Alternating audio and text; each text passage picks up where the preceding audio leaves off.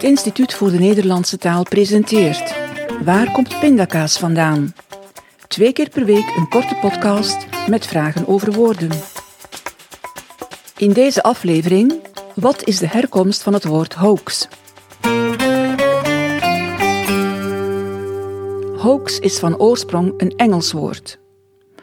Een hoax is een vorm van bedrog, een nepbericht dat met opzet de wereld ingestuurd wordt.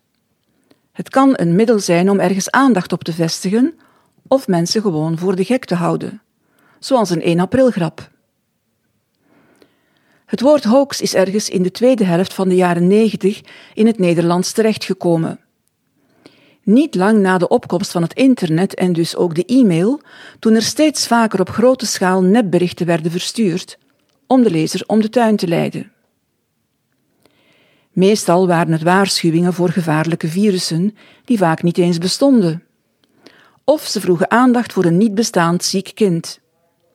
Zulke berichten werden hoaxberichten genoemd. De laatste jaren wordt hoax ook steeds vaker gebruikt voor niet-internet gerelateerde zaken. Een succesvolle Nederlandse hoax was het tv-programma De Grote Donorshow van BNN uit 2007, waarin een nierpatiënt zogenaamd een donornier kon winnen.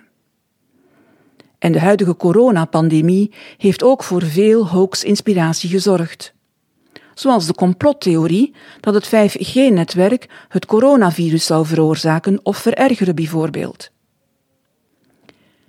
In het Engels bestaat het woord hoax al zo'n 200 jaar. Deskundigen denken dat het een verbastering is van hocus of hocus pocus, de spreuk die goochelaars gebruiken als ze een truc doen. Diezelfde deskundigen denken trouwens ook dat het heel goed mogelijk is dat hocus pocus zelf ook weer een verbastering is, van een goochelspreuk in neplatijn.